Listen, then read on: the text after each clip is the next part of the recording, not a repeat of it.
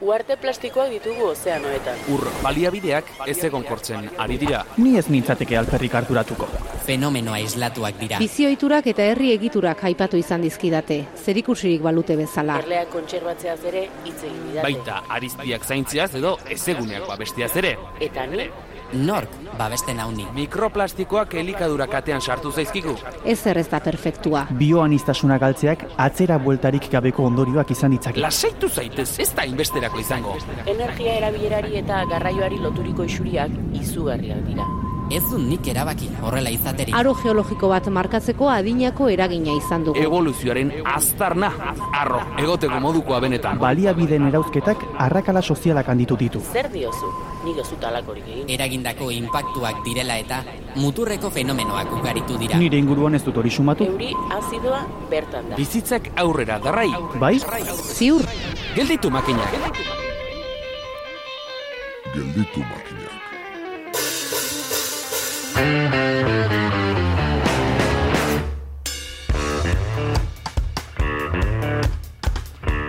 Nork bere hitza zuzentzea edo norabide zaldatzea ohikoa izaten da. Esaterako, morloska bat bada, nik ez du sekula alako egingo aldarreka ibili, eta gerora, hain zuzen ere, alako eginez da bilena. Askotan gainera, bere hitza janduenaren inongo errezelori gabe. Mai ingurua osatu dugu saio honetan eta abia puntua horixe izan daiteke. Eta bidean baliagarri zaizkigun moduak bazterrotzi baditugu, zer berreskuratu genezake horietatik. Aitziber Sarobe eta Jokin Aldazabal izango ditugu gurean energia nuklearraren baliagarritasun posible ez batetik eta naturaren ulerkera egun ez em- hegemoniko ez bestetik.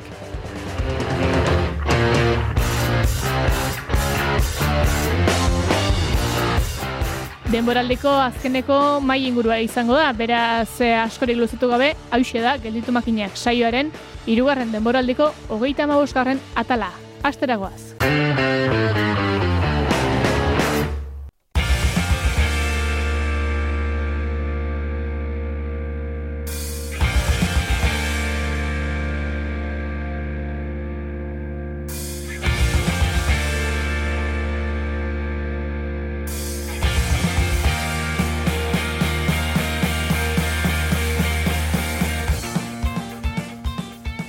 Ohartzerako heldu gara ekainera, heldu gara gelditu makinak irratsaioaren hirugarren denboraldiko hogeita hamabosgarren atalera, eta ohartzerako, ba, heldu zaigu azkeneko mai ingurua edo denboraldiko azken tertulia behintzat. Jokin Aldazabal eta Itziber Sarobe ditugu hementxe, pariz pare, maite aristegirekin batera, bildu izan zaretenak, ba, elkarren gana, Egunon. zenbait gai ikuspuntu kritikotik begiratu asmoz, egunon, egunon, Jokin. Egunon, egunon. Beraz, e, ongi etorri bioi, eta, bueno, zuek argi utzi diguzue analisiak egitea ez dela eseri eta jardunean aritzea, ez da? Beti prestatu izan diguzue zerbait, konta diguzue zer moduz aritu zareten edo analisi txikotxo bat egingo zenuten zuen jardunaz?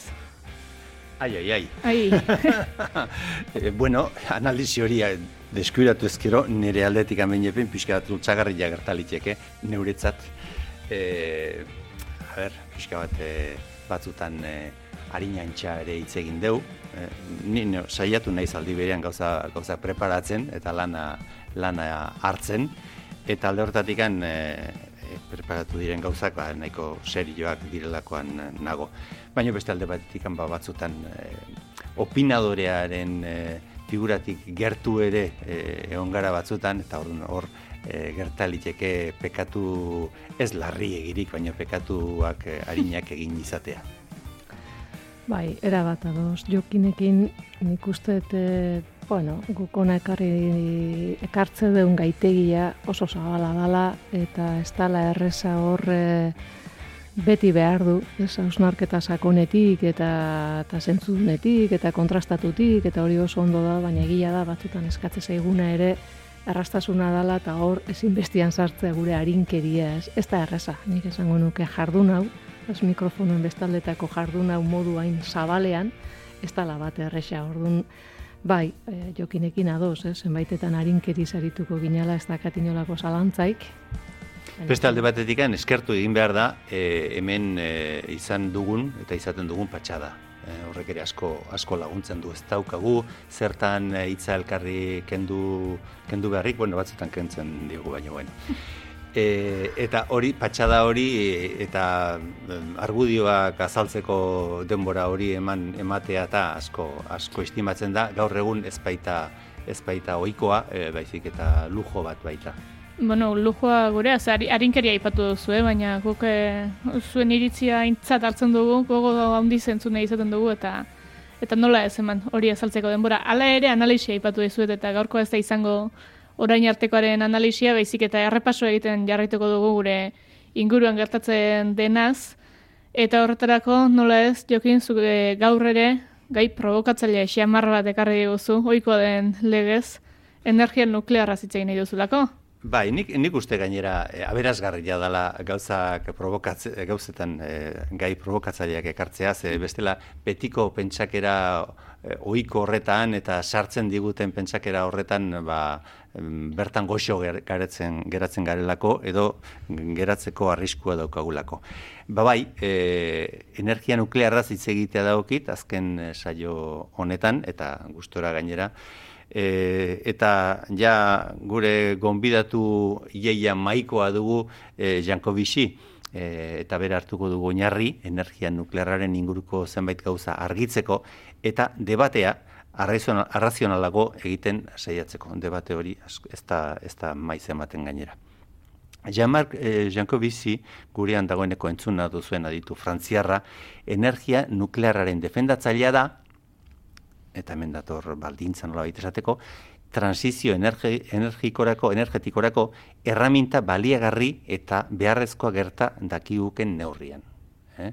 Orduan, ez da eh, lobby nuklearraren defendatzailea, baizik eta eh, pentsatzen du tresna eh, importante mm, baliagarri beharrezkoa gerta litekeela eh, transizio energetiko horren bidean. Eta hemen erantzi nahi dut, Jankobiziren transizioak berezkoa duela eh, kontsumoaren jetxiera handia. Eh? Ez da besterik gabe eh, adierazten den gauza, baizik eta batera lijoake kontsumoaren jetxiera handia handia. Beraz, transizioa baino, agian rezesio energetikoa esan beharko genduke. E, gure aurrean jartzen zaiguna, e, ez da batetik bestera pasa kilobati orduak bere horretan utzita, baizik eta e, bide bat egin, e, zeinetan askoz e, kilobati ordu gutxiago e, kontsumituko dugun, eta beraz gure ingurua e, ez errespetatu, baino, bueno, hainbeste ondatuko ez dugun. E, beraz, transizioa baino gehiago rezesioa agian. Bueno, hortxe uzten dut. Argiago eta jende gutxiago engainatuko lukena bestalde. Ze berriro diot, transizio esaten baldin badugu, bueno, jendea lasai gera- geratu liteke, pentsatuz batetik bestera pasako garela, fosiletatik e, berriztagarrietara pasako garela, inolako problemarik gabe, eta termikotik elektrikora pasako garela, inolako, erik, inolako gora bera edo buru austerik gabe. Bueno, debatea aipatu dut eta debatea arrazionalago bihurtzea. Izan ere, inor baldin bada, hause da, ez da da, e, esan genezake, emozionala. Eta Ez dakit nola behiratzen didan aitzi berrek, eta noiz saltatuko didan lepora, hain, hain lasai dago. Izan ere, zenbatek daki zer den erreakzio nuklearra. Edo erreaktore guztiak berdinak diren ala ez. Erradiazioa nola neurtzen den eta non jasaten dugun erradiaziorik handiena geure bizi moduan. Adibidez, badirudi Frantzian, bostetik lauk uste duela energia nuklearrak berotze globala eragiten duela. Mhm. Beste dozein e, e, energia primario bezalaxe, zeobia emitituko balu bezala. Nuklearra ez da ikusten, beraz, neurri horretan, mm, beldur handiagoa eragiten du ikusten ez den neurrian. Baina errealitatea gertuago eta gordinagoa da. Klimaren aldaketak, berotzeak, trafikoak, tabakoak, asko zeriotze gehiago eragiten dute, baina horiek normalizatuta, geureganatuta dauzkagu ikus egiten egiten ditugu. Edo beste galdera bat, edo beste eh, konstatazio bat. Seme alabak goizean etxetik ateratakoan, zeren beldur izaten gara erradioaktibitatearen beldur, esaten dugu, kontuz, nun zabiltzan erradioaktibitateak izurratuko zaituta. Ez, beldur gara, trafikoaren, jokuaren, drogaren beldur gara. Hm? Askoz eh, errealago, askoz eh, gertuagoak dira eh, hoiek. Bestetik, energia nuklearraren aurkako joera erromantiko bat ere badago. Borroka horretan badirudi David Goliaten kontra ari dela. Asterix erromatarren kontra. Txikia handiaren kontra, eta EDF izan, Iberdrola izan, edo Endesa izan, ezta? Norbait handiaren kontrako borroka. Eta komunikabideetan ere, joerak eta jarrerak ez dira zoragarriak. Badakigu, albiste deigarri eta katastrofistak hobeto zabaltzen direla, entzulearen arreta gehiago pizten dutela, txosten luze eta sakon epaino, gauzak berelekoan ipintzen dituztenak zientzilari askoren lanaren fruitu direlako. Edabideen papera beraz mm, zabantzagarri jala. Baina, Jankobiziren itzaldietan helburu nagusia ez da nuklearra zabaltzea, baizik hartaraztea, energia berriztagarrietan ez dagoela irten bide miresgarririk beren zamak dituztela, beren mugak dituztela, eta okerrena, herritarrok espero baldin badugu energia berriztagarriez dena konponduko dugula, horrek eramango gaituela benetan beharrezko eta egoki diren neurriak ahaztera eta ez hartzera neurri egoki hoiek. Fidatzen baldin bagara gehiegi energia berriztagarrietan ez ditugu eh, behar diren neurri zorrotz zurrak hartuko. Horren beldur da. Eta ohar horiek aurretik eginda ondoren energia nuklearrari buruzko uste oker batzuk edo neurriz gainekoak argitzen saiatzen da. Adibidez, erradiazioak oso arriskutsuak direla. Bueno, esan barra dago, egunero edo maiz jasotzen ditugula erradiazio terurikoak, erradiazio kosmikoak, eskanerra egiten diguten bakoitzian, erradiazioa jasotzen dugu, abisatzen digute, ez dakitzen batera letzen ditugun paperak. Hilgarri gertatzen dira? Ez, en generalian ez. Galdera da, zein dositara arte onartu, liteke, onartu litezke erradiazio horiek. E, Zoma Pesket, astronauta frantziarrak, sei labete manditu espazioan, ba, hor erradiazio ikaragarria jasotzen da espazioan zaudela. Zentral nuklear bateko langile onartzen zaien dosi, maxi, dosi maksimoa, baino bederatzi, aldiagoz, bederatzi aldiz handiagoko erradiazio hartu du, eta ez dago gaixorik. Hau, txanko bizi jartzen duen adibidea. Ziru jauek ere, irrada, irradiazio, handia jasotzen dituzte, ze batzutan operazioak egiten dituzte irudi sistemak erabiliaz batera. Hmm? Zentral nuklearretako langileenak baino erradiazio handiagoa jasotzen dituzte ziru hauek. Baina erradiazio ionizante gehien jasotzen dutenak, egazkinetan, aire garraioan ari diren personak dira. Hain zuzen ere, irrada kosmikoetarako esposizio handia dutelako angoian, amar mila metro altu da biltzanean, eta horiek zentral nuklearretako langile, langile jasotzen dituztena baino askoz handiagoa dira. Baina inor gutxi hiltzen da erradiazio ionizatzailei buruz, edo erruz, haien erruz. Nik e, gai honetan erantziko nuke energia hidraulikoa ez dugula arreskutsutzat jotzen, garbiena da, beste energien artean, baina tarteka, ba, eundaka eta batzutan milaka pertsona hiltzen direla urtegiak gertuta eta e, ekiten diren bitartean ere komeriak izaten direla. Termikak adibidez ez ditu arriskutsuzat jotzen, baina pentsa haietarako ikatza ateratzen zenba jende hiltzen den. Eta ikatza da argindar gehien sorten duen energia. Eta ez aidazu esan, Espainian ja e, termikak itxi dira. Ja, baina txinatik datozkigun produktu asko, asko, asko gehienak e, energia elektrikoa erabili dute ikatzetik sortutakoa. Hmm? Beraz, badugu hor ere gure erantzukizuna. Eta zer esanik ez dagoeneko klimaren aldaketa zenbat e, eriotze sortzen ari den, soil-soili kontuan hartuta bada ere udako bero golpeak. Hmm? Eta horiek, ba, bueno, adibide soil batzu jartzeatik. Beste arazo bat, e, nuklearrarena, ukatu gabe, bere lekoan ipini beharrekoa, da istripuak oso larriak direla. Gaur egun, istripuren bat gertatu ezkero, arriskuak, eta paradogikoa gertalik ezke, ebakozio prozesuan sortzen direnak dira gehien bat. Fukushima esaterako estresaren ondorioz evakuazio bitartean eundaka lagun hil ziren. Baina estresaren ondorioz harri da.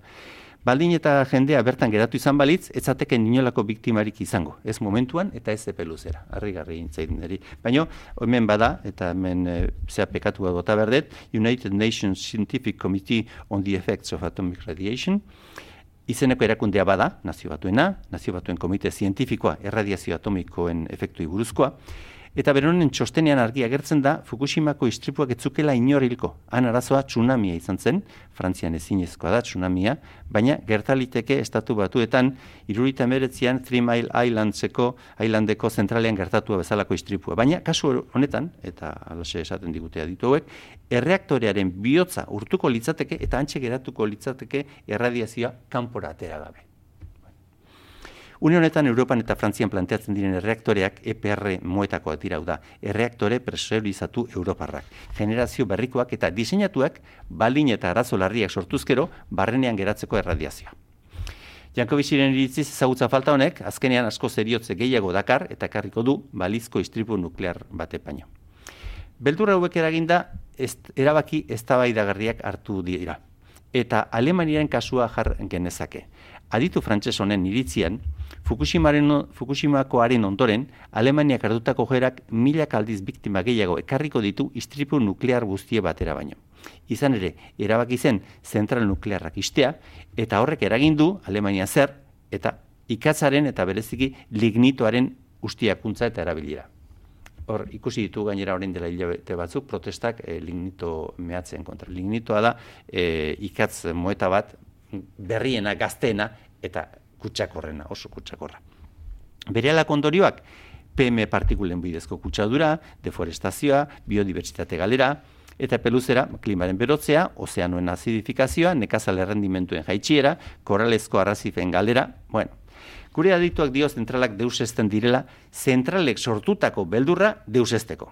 Berrio diot, zentralak deusesten dira, zentralek sortutako beldurra usiatzeko. Asko zailagoa baita eta luzeagoa azaltzea zein diren arrisku errealak onurek, onurekin konparatuta. Hau da, nuklearrak ez duela ia zeo birik isurtzen, hain zuzen hidroelektrikaren pare eta eoliko eta fotovoltaikoak baino desentez gutxiago, erne, berri izango dut, eolika eta fotovoltaikoak baino askoz e, gutxiago gesten du, e, botatzen du. Eta beste kontu bat, beste hitz bat frantzesez ez erabiltzen dutena, pilotablea da. Esan nahi Eh, norbaitek jarri dezakela martxan edo geratu arazi lezakela e, energia hau, energia nuklearra, ba beste zenbaitekin egiten den bezala xe. Ez Barkatu, eh? ez da aldi e, martxan bere ala jarri daiteke konparazio egiteko badibidez kaldarak eta momentuan jartzen dira martxan. Nuklearrarekin e, izan momentuan, momentuan jarri diteken e, bakarra uste dut e, fuela dala. Momentuan, nola esateko. Eh? Bai. demorarik. E, gazak demora bizka behar du, eta e, zerak ere bai, nuklearrak ere, ere bai, garai batean esatezan ezin zitzezkela gehatu eta mm. eta ez ziren gatzen baino, oain, e, oain etxen da. Eta ordun e, programatu zen ezak ez, orain e, demanda zein izango den, eta produkzioa zein izango den, baita renovablea ere, ba, desentez lehena gotikan e, aurrikusten da, eta ordun e, mm. pilot, pilotatu liteke. Eh? Bueno, beste alde batetik esaten du atzerriarekiko dependentzia murrizten duela edo gutxienez diversifikatzen duela energia fosilen aldean. Transizio egiten den bitartean energia fosilak gainbera doazen aldi honetan, jaitxiera hori leuntzen lagun lezake energia nuklearrak netzako, hau e, importantea da. E, energia fosilak mm, berak dioenez e, hasita daude gainbera, e, ba, orain dela e, dozena bat urte, bat beste bai, bai petrolioa eta bai gaza. Eta orduan, gainbera honetan eta gure emisioak e, murrizten ditugun bitarte honetan, ba, erraminta interesgarria gertalitekela nuklearra. Hmm? Ez, ze, ez, beste modutara seiko bai genduke emisioak e, e, botatzen. Gure adituak hori bai azpimarratzen du energia honetan egiten diren inbertsioak publiko izan bar dutela, ez pribatu. Kapitala handia eskatzen da eta ezin du benefizioen zain eta eta menpe egon. Eta honetan denok etorriko gara ados denok etorriko gara bat. Eztabaida honen baitan brandoliniren legea aipatzen duen zalea gustatzen zaizkitolako gozak e, brandoliniren legea sekula nuen entzun entzun gabea nuen. Eta laburre esan da hauxe da e, gauza okerra edo inesaktoa zehatza ez, ez tana e, e, esaldi batean motaliteke alegia gezur bat eh, edo oker bat esaldi batien boroil boroil boroil botolitzeke botalitzeke. Baina ura gezurtatu eta zuzentzeak askoz esaldi eta denbora gehiago eramaten du beti. Entenditzen da pentsatu, e, tristea da, baino egia da. Bereziki horren beste fake new e, zabaltzen den garai, garai honetan, ba, gezurra botatzea erresa da, eta, eta gauza gero zuzentzea asko kostatzen da. Ez ditugu aipatu ondakin nuklearrak, arazu dira bai, eta luzarorako, baina ongi gordetzen dira. Baina ez dira asko gainera, ez dira volumen handia, bereziki CO2 isurpenekin konparatuta, pentsa ze, edo bereziki konparatuta, e, ikatzarena ni oain jabetu naiz, ikatzak sortzen dituen e, ondakinak, hor geratzen den erreutza, ikeragarria da. Ikeragarrizko volumenak dira eta ikeragarrizko obiak behar dira haiek e, enterratzeko, ezta? Bueno, ba, e, oso leku gutxi behar dute ondakin nuklearrek. E, izan ere, da, esaten du, datu pare bat hartu behar dugu kontuan, eta bukatzen ari nahi, zein, zinor espertu, ez dute inorkei espertu nahi e, azteko, uranioa den elementurik astunenetakoa da. Hogeita, bai, hogeita bat inguruko dentsitatea du. E, urriaren hortzen bai e, paretsu hiliko da. Eta gramo bat uraniok, tona bat petroliok adina energia sortarazten du. E, gramo bat uraniok, tona bat petroliok adina sorgi, e, energia sortarazten du. Gramo bat uranio da, e, zentimetro kubiko baten hogeiren bat. Hm? Tona bat petroliok adina energia sortzeko. Bestela esan da, litro batean hogeita bat mila tona petrolioren energia sartzen da. Ikera da. Amaitzeko, eta hitz gutxitan esan da. Kontuan izan da, energia fosilak gainbera hasita daudela. Energia berriztagarriek ez dutela milagrorik egingo. Honek beste saio bat eskatzen du, ez dakit datorren urterago, Eli. Apuntatuko dute, eh? eta oraingoz ez dugula gure kontsumo maila jetxi nahi, eh? berriro diot. Energia e, fosilak gainbera zita daude. Berriztagarriek ez duten milagrorik egingo. Eta oraingoz ez dugu gure kontsumo maila jetzi nahi, ezkenduke energia nuklearren aukera baztertu behar edo behin ez debate sakonik engabe. Bueno, niri sortu zaizkite zalantza batzuk alare, batez ere e, azkeneko horretan ez e, apuntatzen ari nintzen. Ez dugu kontsumoa jetxi nahi. Ez dakit aldako batean ez duten nahi kontua, baina gehiago izan beharko kontsumoa jeistea. Alegia, e, beste erremediorik ez dala izango? Ala beharko luke, ala? Ja, bakizu zer gertatzen den, e, energia fosik asko dagoela. Asko dago. Eta ordun horiek denak erre baino lehenago, pixka zu sugeritzen ari zarena, mm.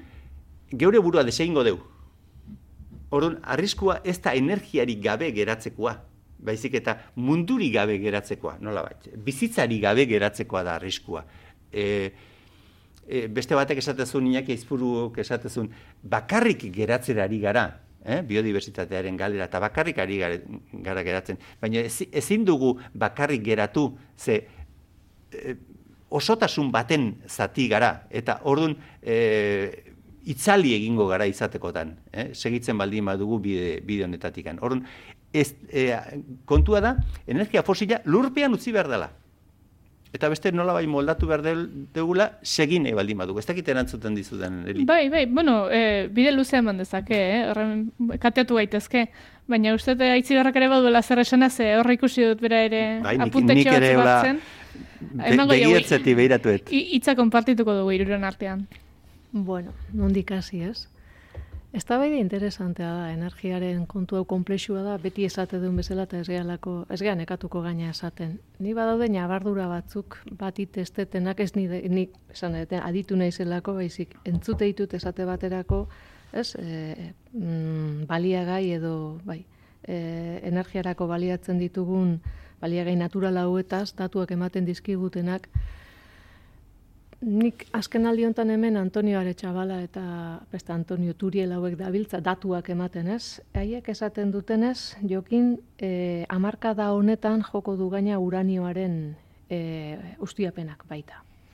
Kontu ez da zen bada hon, baizik e, errentagarria dan edo ez, hoiek ustiatza edo ateratzea. Hori da energia fosilegatik, e, baliabide fosileetan, e, jatorri fosileko, e, erregai edo baliagai energetiko eta esaten dutena. Gero eta garestiagoa dela horiek ustiatza eta horregatik ari direla dirua e, ez inbertitzen jardun horretan, etzaielako errentagarria. Eta gero eta gutxiago izango zaiela eta horregatik ba, e, etorriko dela, mm, zangoen nuke, petrolio gabezia. Ez? E, eta ateratzen denak e, batetik kalidade eskasagoa daukalako, eta bestetik ateratze hori gero eta garestiagoa dalako. Orduan, eure kalkulatzen dute, esate baterako momentu honetan zenbait diru estan inbertitzen horretan. Hau da, hau da e, dirua manejatzen duten zera hoiek, ez, fondo ikaragarri hoiek, ez, enpresa multinazional hoiek zer egiten ari diren diruarekin.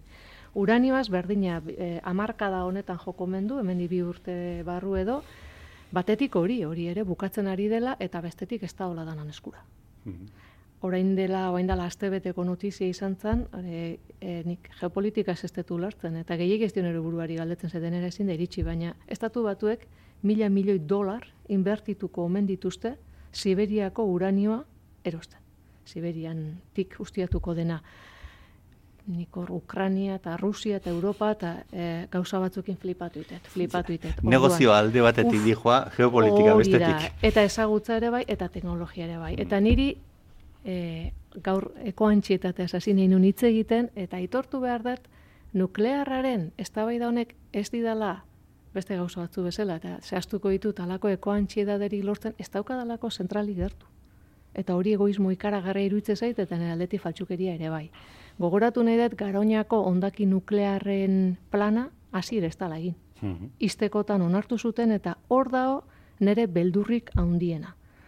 Ni beti esaten nire irudi ikonikoetako bat, e, e, Fukushiman izan zen, han jende aura gelditu zanean urre dangarririk, eta gabe, Ilara luze luzeak pake pakean bakoitza bere bidoitxoarekin, ez, e, militarrak eta etorri zai, ez, nor beteko beraien bidoioiek pakean.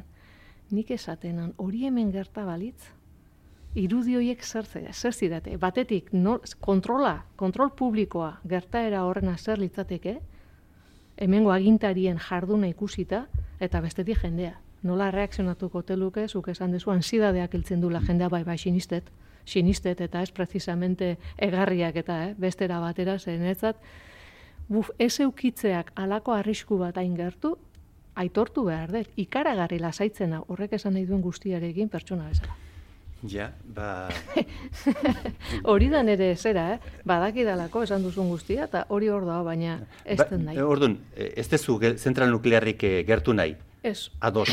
Baino. Eta ez dut berde kontsideratzen e, energia hori ere esan behar dut. Jatorria, ez talako berriztagarria uranioa da.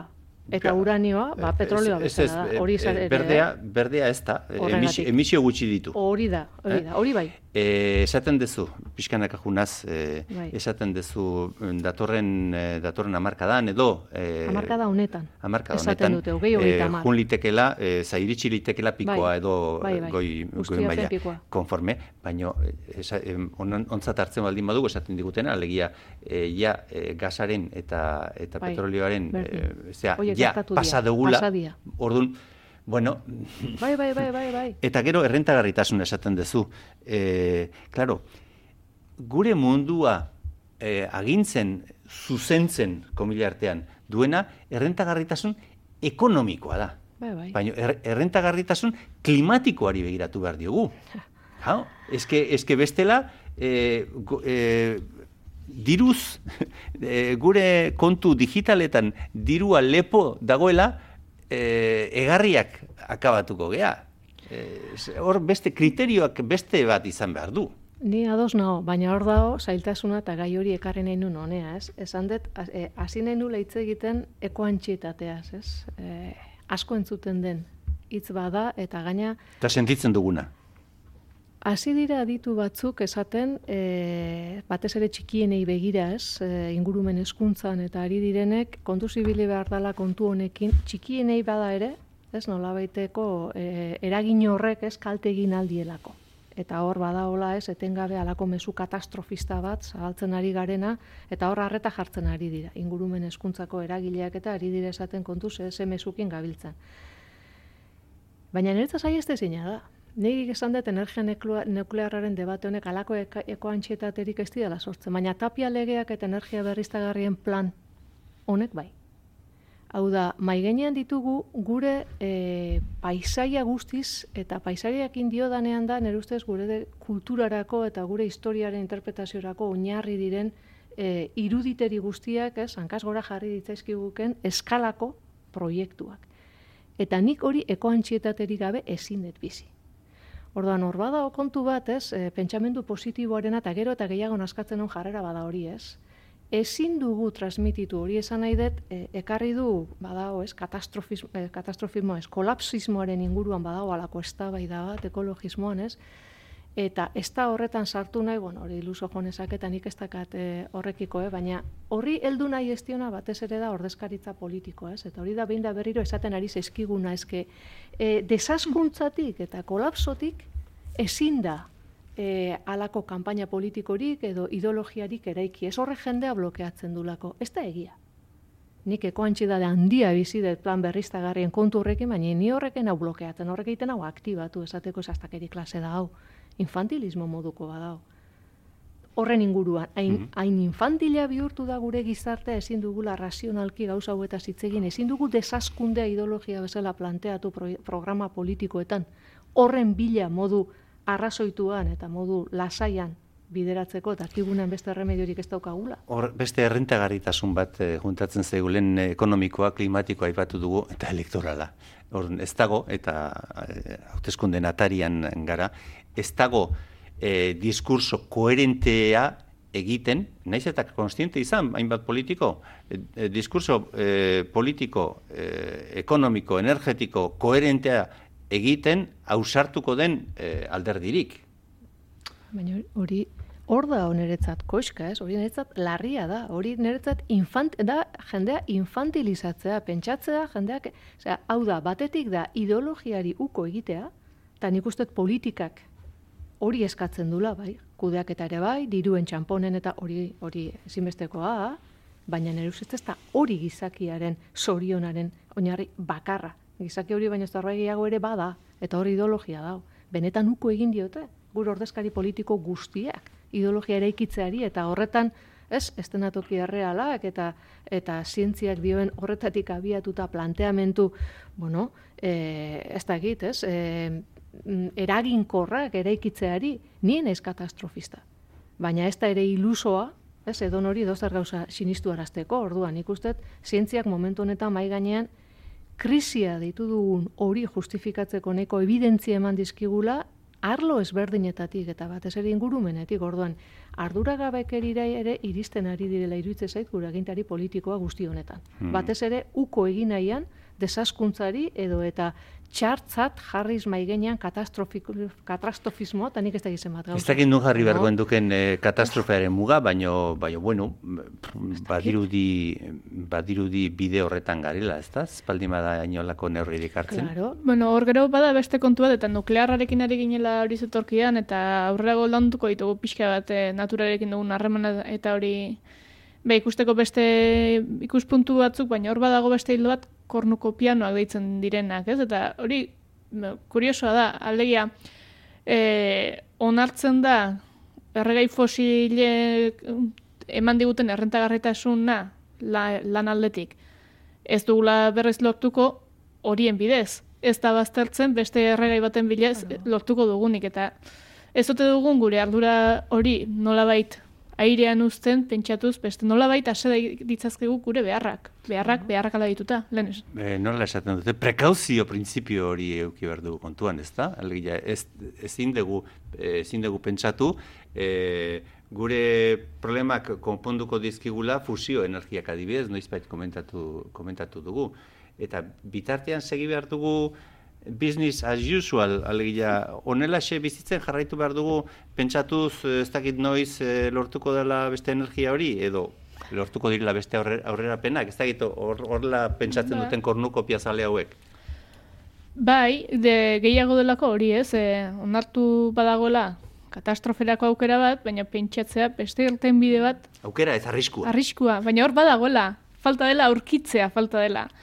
Bai. Ni nera ni ez nator bat horrekin. Hmm.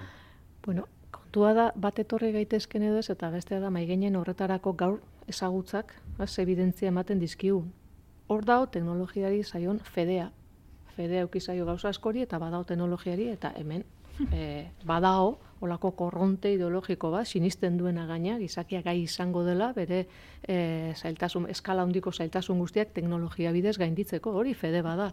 Momentuz, behintzat, horri begirako evidentziarik ez da olako maigenean jarrita ez da egongo horrelako erregairik munduaren e, daukagun ezagutzati behintzat, hemengo mineralak eta osagaiak oso ikertuta daude eta daudenak naturalak ez dira, beste bada artifizialekin oraino iritsi ahal garen. Eta hor bi gauza daude. Bat, ze denboretan, eta hori da fizikariek esaten digutena, akaso ba, bilatu altzitekela artifiziala den bat, baina ez momentuko gure krisiek eskatzen duten denbora eskalan, ez da horren evidentziari momentuz. Eta bestea da, teknologiaren e, beraren ulermena. Teknologia ez da bakarrik ezagutza bat aplikatu eta gure mesedetarako sortu. Horretarako beti, beti behar dira baliagaiak. Eta baliagai horiek erabiltzen ditugunean beti eragiten dugu ziklo naturaletan. Momentu honetan hori jarri dugu ez baia. Hau da, batetik, teknologiaren zikloak ez ditugu izten eta sekulako arazoa daukagu ondakinekin, era guztietakoekin, era guztietako kutsadurak, ez ditugulako zikloak izten, eta bi, e, claro, teknologia horiek erabiltzeko ezinbestean eragiten dugu ingurune naturalean, eta gaur, einbeste milioi pertsonantzat planetan, ez daukagu e, osasuntxu bizitzeko azalerarik. Bizke bat bide horretatik aipatuko nuke, alegia, eman dezagun energia lortzen dala, eta izten ditugula ziklo, zikloiek, zuka aipatzen zenituenak, materialenak, adibidez, ja, eta bide honetan galtzen ari garen eta galtzen segiko dugun espezie guztiekin, e, zeinek asmatuko ditu, zeinek er, e, berpiztuko ditu, e, eta zeinek eginduko du berriz mundu bat bizitzeko modukoa. E, perrikai, ja ez ez, eta gizakia aipatu duzu, ez, gizakia ez da, ez da importantea. Ez, karo, ba. Ez, ah, baino, ingurune naturala bai, eta biodiversidadea bai, hori, hori bai da importantea. Eh? Eta, eta orduan... Karo, hor dago, koizka, hor dago betiko, ez, genetikaren arazorik handiena berpiztu. Momentu honetan segura asko badago, teknologia, genetikoa, nahikoa, ez, ino nahiko balu aberrazio horietan hasi eta baten bat hasi egongo da ez dauka zalantzarik, iraungitako espeziak ere, laboratorioetan berpisteko. Karo, non? Azteko eta askatzeko. Hori da arazoa.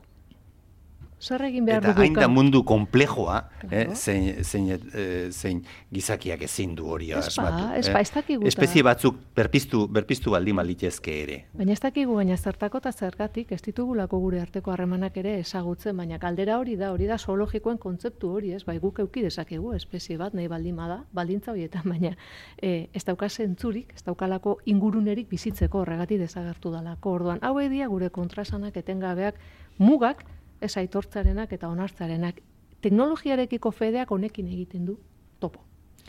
Hori da Alde horretatik zuk eh, bazenek arkien bai. bat, lotura zuzen zuzena. Bai, Bagoa, ja sartu gara gai horretan baina. Sartu gara, egoera honek eskatzen duelako, segurazko, e, fede dunok ez garen ontzat behintzat, pentsamendu berri bat, ez? Nola harreman du gure artean eta naturarekin, ez? E, bueno, hau guztia atera bide bati begira jartzeko, ez? E, uko egin gabe, egoeraren larritasunari, uko egin gabe, baina, e, bueno, atera bide bezala, aitortuz ezin dugula jarraitu egun, ez? Antroposenoa ditu dugun errealitatera ekarri gaitun jokabide honi.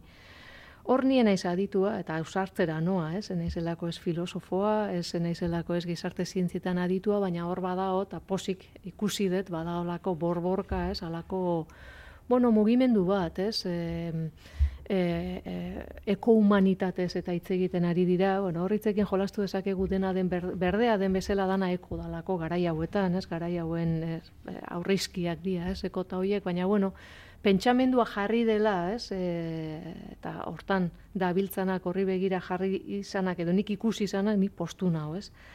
Eta ikusi dut, eta hortik dakarskit ere, ba, udarako, ez, era horiek, ez, e, pentsamendu zera horiek, ez, ikusi ditu daudela, ba, jokabide, jarrera eta jora ezberdina, baina desente e, laburtu daitezkenak, neko, ez, oinarri mm, simpletara ekarrita.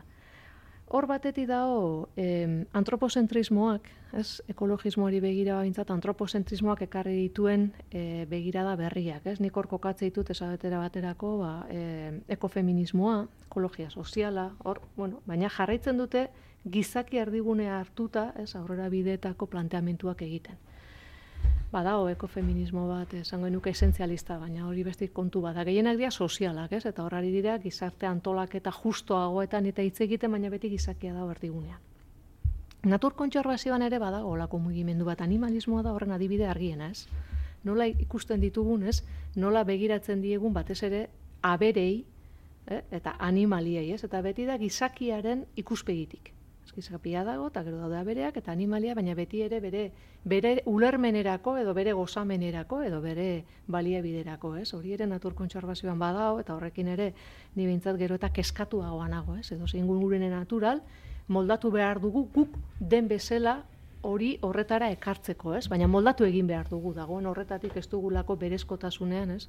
Sinisten edo zikloiek luzegiarialako. Hori da, e, nik esango nuke gaur gaurkoz gehien entzuten duguna eta ikusten duguna, ez? Halako mm, nahi ditugu bestelako harreman batzuk, justiziaren da izenean, baina gizakia dago pentsamenduen erdigunean. Orain sortzen, eh, orain ez, badago beste, beste pentsamendu bat, ez? Eta nik orain ikusi dut eta izen batzuk ere jarri dizkiot, ez? Etika ekozentrikoa eskatzen dute. Hau da, etika ekozentrikoa eskatzen dutena da, e, edo irudikatzen ari direna da zer litzateken gizakia erdigunean ez dagoen etika bat, bizitzarekiko etika bat. Pentsamendu bat gizaki ateratzen duena, ez? Bizitzaren ziklo e, holistiko eta orokorragoen e, erdigune horretatik, ez? Horrazko ari dira harreta jartzen e, jatorrizko herrialdeengan. Ez, asko ba, prekolombinoak eta direnak eta eta horko hor badaude kosmobizio batzuk, ez? Oraindik ere horko herrialdek eta lehenesten dituztenak eta saiakera batzuk ikusi ditut hortik kosmobizio hoietatik gure mendebaldeko pentsamendu horretara ekartzeko, claro, kosmobizio hoiek ezin direlako kultura, kultura da, herri bakoitza bere historia jatorria eta pentsamendua dauka eta herrialde bateko ezin da bestera ekarri hori absurdoa da, ez? Baina bai lotura batzuk, ez? Bat ikusi dudana da, eh, bueno, lehendik zetorrena, eta ez dana berria da ekologia sakonaren, ez, e, deep ecology deitzen den horren pentsamendu. Horren atzean daudenak dira, ba, gaia hipotesiaren defendatzaileak, eta bueno, hor sartu gaitezketzu do. Por cierto, Lovecraft eh, nukleararen aldekoa. Hori da, ba, hor badao, ez, alako pentsamendu jatorrizko bat, eta horrek badauka lobelokek bere garaian planteatu zuen, ez, gaia hipotesi horrek, ez, planetan bizitzak, ez, bizitz sistema bizidunak modu holistikoan eta planetarioan ulertuta, ez, nola biteko autorregulaziorako e, mekanismo bat daukan pentsamendu eta ideia hori. Bueno, zientziare saiatu da, hori hori egitate bihurtzen, baina egia da oraindik teoria hori ez da hola zientifikoki egiaztatuta bere horretan, baina bueno, e, pentsamendu berri bat eraikitzen du, ez? Eta eraikitzen du batez ere ingurumen eraginen e, ingurumena, esan et, ingurumena ustiatzen dugunean eraginen ikuspegi globalarena. Hau da, nik hemen eraikitzen dudan CO2 hori edo hemengo e, industriekin eta nire bizimoduakin isurtzen dudan CO2 horrek eragina dauka baita munduaren beste aldean antipodetan egon daiteken Australiako oianean edo beste nunbaitan. Horretarako ekologiak asko ustiatu duen kontzeptua da hori. Ez, hau da, hain ja gizakia iritsi da, e, eskala batetan, zaina bere jarduerak planetan eragiten duen, ez e, jarduera hori eragin duen lekuan. Hortik, ez autorregulazioaren eta printzipio horietara eta, bueno, hori zientifikoki hori frogatzera bide luzea dago, baina, bueno, hori dago batetik, ez, dip ekologia horren pentsamendu, ez, bizitza modu holistiko horretan ulertu beharra.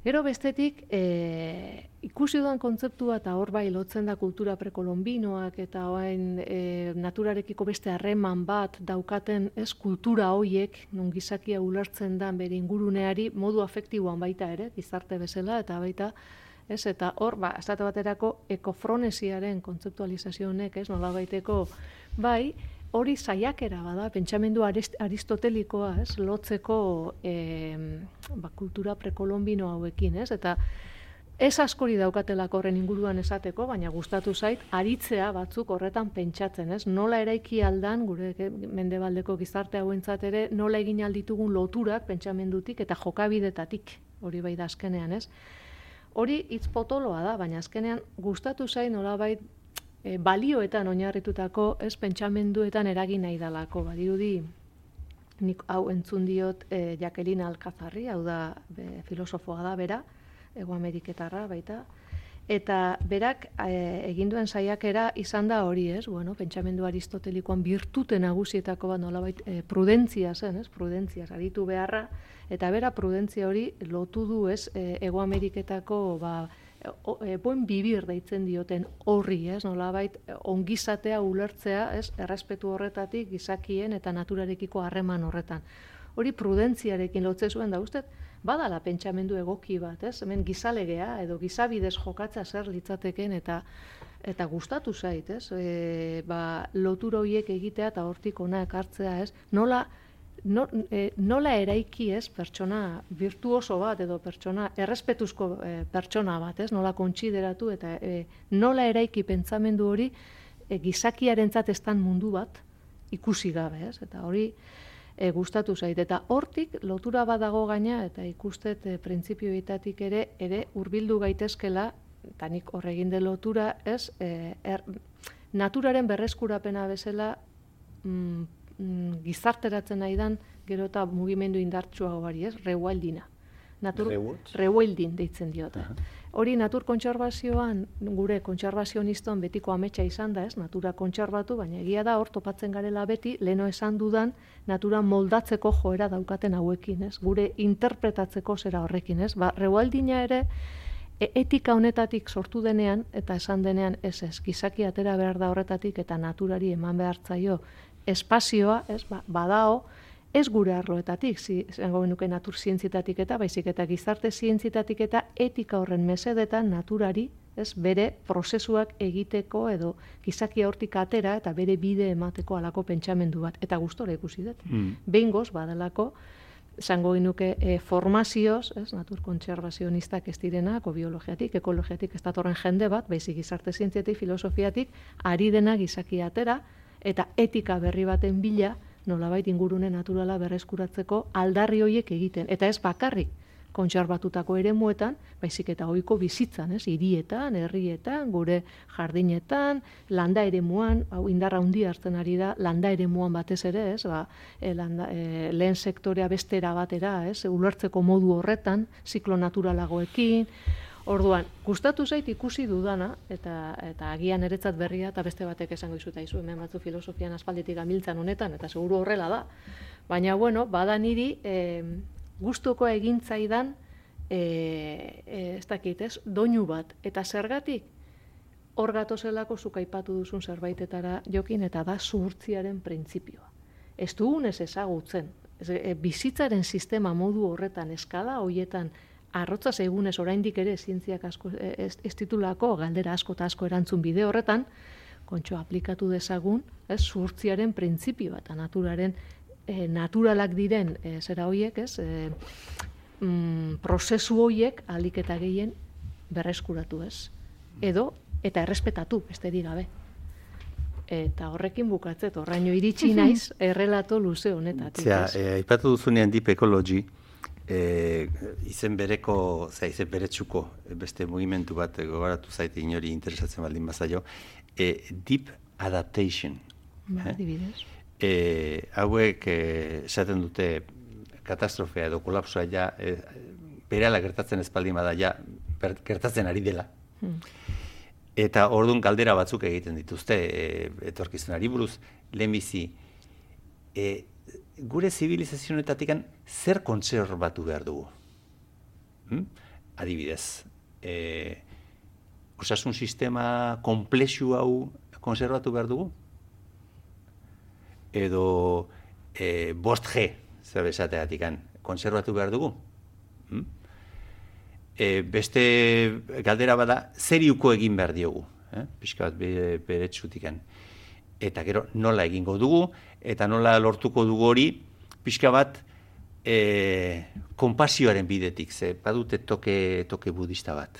Mm. Eh? Orduan alde batetik hasten dira kolapsotik, baina bestetik, bueno, gauza klasai hartzeko, hartzeko, zera, eta empatiaz hartzeko e, proposamenak egite dituzte. Hau, e, Inglaterrati datorren mugimentua da, oso jende interesgarria dago mundu osoan zehar, eta Jim Bendel delako batek e, idatzitako manifestu batetik datorren mugimentua da, baina zabaldutakoa.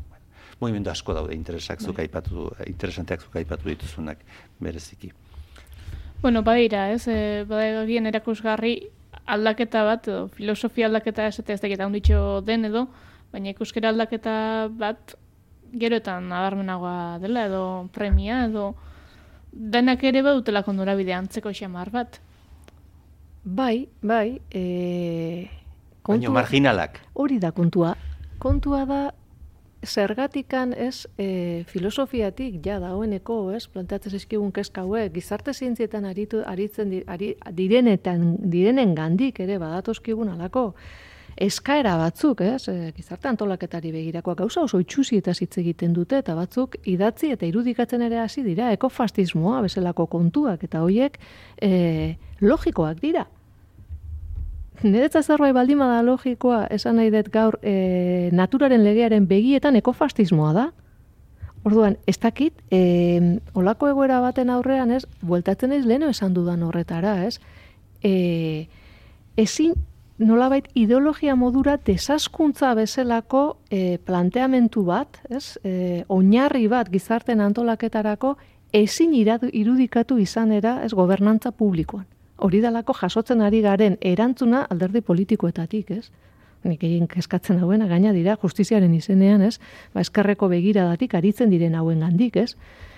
Horrek eskatzen hau, esaten dugu gero eta eta bai jende gehiago eta bai ematen du baietz gaina zentzuzkoa da e, zientziak ere nolabait oinarria esarri dio e, krisi guzti hori da nahi baina gero gure ordezkari politikoengatik jasotzen duguna uf horrentaz ezin du hitz egin ze claro horrek ez ditu botoak ematen koño ez dakit, ni ez dakit. E, hor debate interesante asko dago ni laino beltz baten azpian gatzen naiz.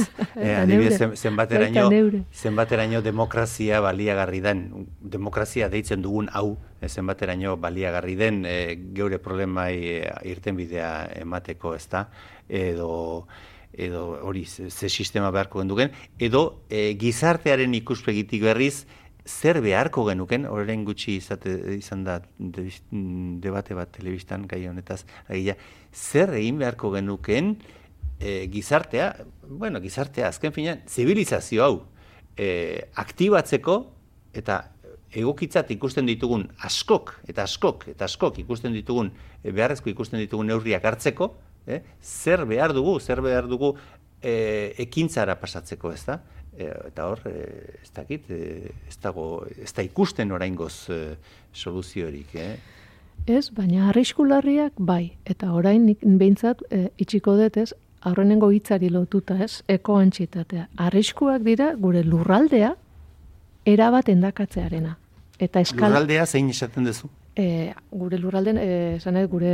Euskal Herria edo planeta? Ba, bueno, ni Euskal Herritik ari naiz ezagutzen dudanetik. Eta Euskal Herri mailan behintzat, lurraldearen erabilerarako ditugun plangintzak gaur, lurralde osoari eragiten diote. Orduan, e, arriskuen ertzat horiek dira. E, denbora, ze eskaletan, ze, ze, ze, ze, ze eskumen ematen diogun geure buruari, ze nolako eraginak egiteko, ba, esan dugun bizitza, biodibertsitatean, eta biodibertsitateari sostengatzen duen lurraldean izan itsasoan, lehorrean edo izan uretan. Esan, et, gabiz eskala batzuta, zeinetan inolako e, zuhurtzia printzipiorik aplikatu ezean, ez, da, ez gara neurtzen ari horren benetako eragina. Orduan, e, esan eta, eh, gure, gero egia da, eh? Gero esaten dudana, bueno, ba, jokinek esan dudana, gizakia guztiz ezera da, eta, bueno, ba, en fin, ba, hoxe, ez, gu bilatzen baldin badugu gure akabera, ba, aio, ez, e, bueno, bizitzak bere bide Euskal, Herria, Euskal Herriaren eskalan nik uste ez dagoela konponbiderik, alegia, e, Euskal gizartea izan da, ziero, e, historian, izan da, ziero miserablea, eh? lurraldeak ez, ez zuen ezer asko ematen, Eta hain zuzen ere hortik handatozkigu gazte esan behar zaizue. Gure foruak eta gure eskubideak eta gure e, estatutuak eta bar, hortik datoz, alegia, e, errege Espainiarrek e, ikusten zuten Euskal Herrian etzala e, zer produzitzen interesantirik. Eta horren ezin zitzaizkiela e, bestei bezalako zergak eskatu. Eh? Eta orduan hortik handator gure historia. Eta gero, e, energia fosilak iritsi direnean, iritsi gara produzio onditara eta populazio ondira. Baina Euskal gizartea e, iraungarri, iraunkor edo eramangarri egin nahi baldin badugu, populazioa jetxi behar da modu drastikoan. Hori, demografiaren gero inorga aipatzen ez zuen kontu bada, eh? Hori, tabu handi xamarra Claro, egin claro, tabua da, bai, bai, bai, bai. Claro, claro, ba, baina horregatik, demografia horrek eskatzen duenlako, le, dagoeneko, dagoeneko kontsumo ohiturak errotik aldatzea. Ezinbestekoa da, bestela ez da eusten, matematikak ez du ematen. Eta hortik, hortik, hortik abia puntua. Tabuak. dut, eh, tabua, tabu, baina e, tabu hori izaten jarraitu, esan eh, jarraituko dugu horri bizkar ematen, eta jarraituko dugu hemen ezer gertatu espalitz bezala, eta desaskundeaz hitz egin ezinik, eta segi eta segi irudikatzen gure lurralde honen txikizioa, kau, zenbat eta gehiago txikitzen dugun, gutxiagontzat egongo da aukera. Pentsature egin gabe, zenbatentzako utziko dugun errisistrin hau. Esan nahi dut, e, hemen badao infantilismo ariketa absoluto da niretzat eta ideologiari uko egite e, konstiente ne, oso arriskutsua. Populazioaren tabu horri helduta berriz ere, eta ez, ez da kursoa bukatzeko modu txugunena, eh? Ez, ez, ez, ez, ez. Helduko Eh, diogu positibismo. Alegia, eh, horrek bi soluzio ditu, edo gerrak edo, edo izurriak, izurriteak. Hori, horiek izan dira historian zehar eh, konponbideak po- eh, populazio handigia danian. Baina hemen gertatzen zaigu alde batetik eh, horlakorik ez dugula nahi, eta espero dugu eh, epe laburrean ez izatea, eta beste alde batetik eh, berotze globalaren ondorioz, beste lekuetatik etorriko zaiz, etorriko direla onera, onea. Eh? Orduan, eh, gaia komplejuta, komplexutasun ikeragarrizkoa da, eta itxura honik ez dauka. Bueno, baina nik uste dut oraindik, a ber, bagaude, ez, pentsatu eta antolatzeko aukera daukagun momentuan, ez, eta nik uste hori aprobetxatu behar dela. Horregatik nik uko egiten dio katastrofismoari, aitortuta desaskuntza dela daukagun aukera bakarra, gure realitate jakin San hori honetan. berriz, mesedez. Nik katastrofismoari uko egiten dio dala, ez dudalako hortik e, ezer e, bideratu nahi, baina nire ustez desaskundea da daukagun aukera eta etorkizun posible bakarra. Orduan, hori da e, nire ustez dagoeneko antolatzen hasi beharko litzatekena, baina batez ere politikatik. Ze desaskunde horretan sujetua komunitatea da, ez da individua komunitatea da. E, aldatu behar dugulako, gure bizi ohiturak aldatu behar ditugulako, gure kontsumo eredu aldatu behar dugulako, eta horretarako baldintza jarri behar dira. Eta baldintza horiek ezinbestean etorri behar dute e, publikotik, publikoa denaren antolaketatik. Orduan, horrekin nago ni pitin bat, ez, e, ez dakipa nola esan, horre bai ematen, no, ekoan txitatera.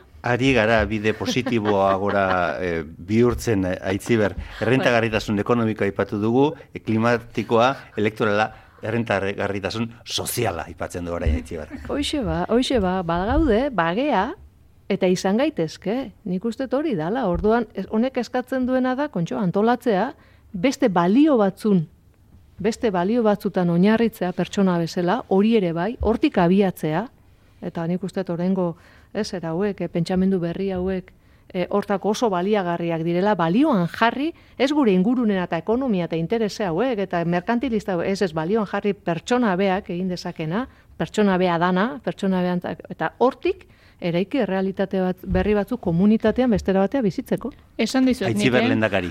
Bai, bueno, hori bagenekien lendi, baina esan dizuet, bat nik hausia zela denboraldeko azkena eta etzen duten nahi, eh? Amaitzerik ala... Ah, bueno, ez ez pa, luzatu Etorri hau bueno, lehen ere esan dizuet, baina errepikatuko dut, eskerrik asko bioi, gurean izateagatik bai gaur, bai aurreko saio guztietan, hemen parte hartzeagatik eta plazerrutxa izan da zuen gogo eta eta ekarpenak Zuri, jasotzeko aukera izatea, pasa dezazuela uda ona. Bai, eskerrik asko. Igualmente. Aukera honetatik.